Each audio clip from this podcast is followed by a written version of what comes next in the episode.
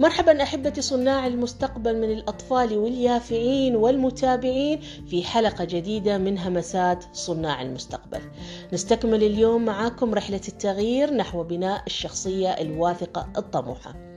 تحدثنا في الحلقات الماضية عن محاور عدة مهمة في رحلة التغيير. تتمثل في أهمية الوعي الذاتي والبرمجة الذهنية وبدأنا في الحلقة الماضية في استخدام نموذج GROW المستخدم في منهجيات ال coaching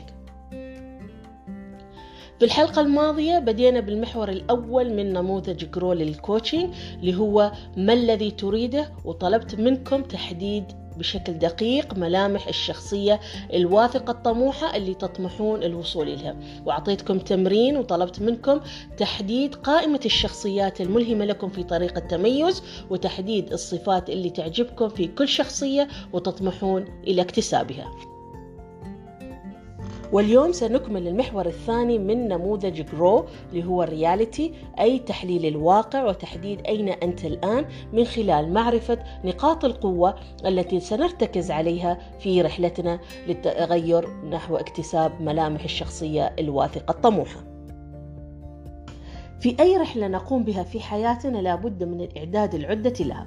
بعد اختيار الوجهة لابد أن نعرف ما هي الاحتياجات التي سنحتاجها لإنجاح الرحلة والوصول إلى وجهتنا وهذا ما سنقوم به في حلقتنا اليوم.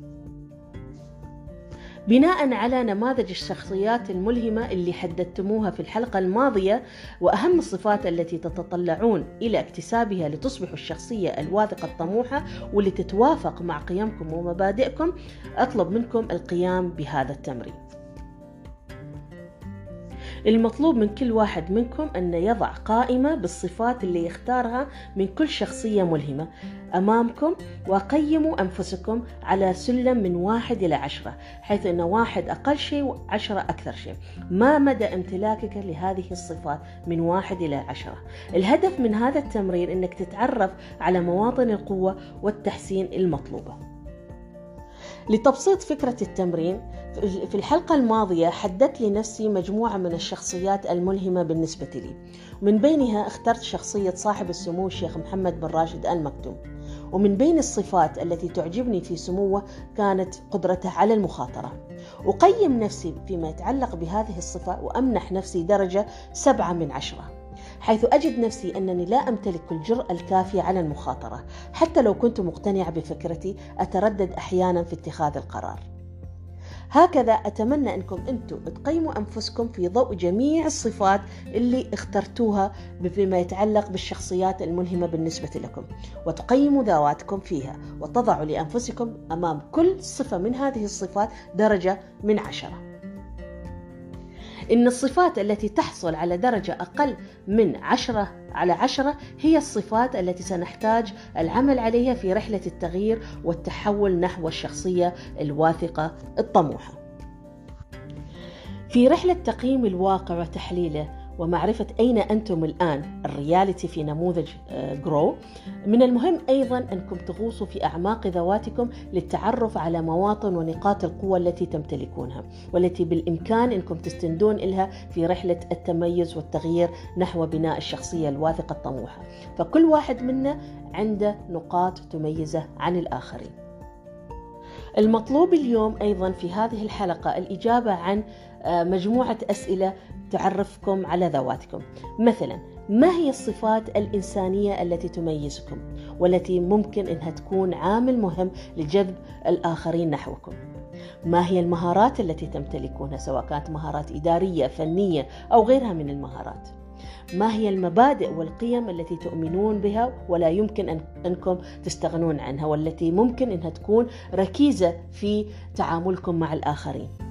ما هو الأثر الذي تريد أن تتركه في حياتكم؟ كل هذه الأسئلة هي أسئلة الكوتشنج مهمة جدا في مرحلة تقييم الواقع ومعرفة أين أنت الآن لأن أي نواقص في هذا الجانب هي التي سنبني عليها. سنقارن الصفات التي تمتلكها والتي هي من خلال تقييم واقعك مع الصفات التي ترغب في اكتسابها من, من خلال الشخصيات الملهمة التي اخترتموها ونعرف الفجوة لنبني عليها في مرحلة التغيير نحو بناء الشخصية الواثقة الطموحة.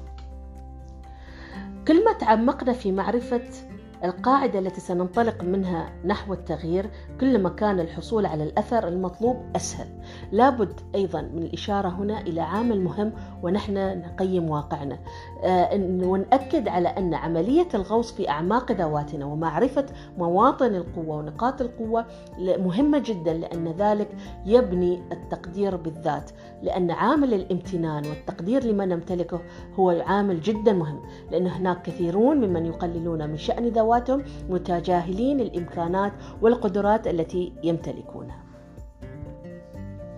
خلاصة حلقة اليوم تقوم على أهمية تحليل الواقع ومعرفة أين أنت الآن من الصفات الشخصية الواثقة الطموحة التي ترغب في الوصول إليها وأن تكتسبها مع نهاية هذا البرنامج.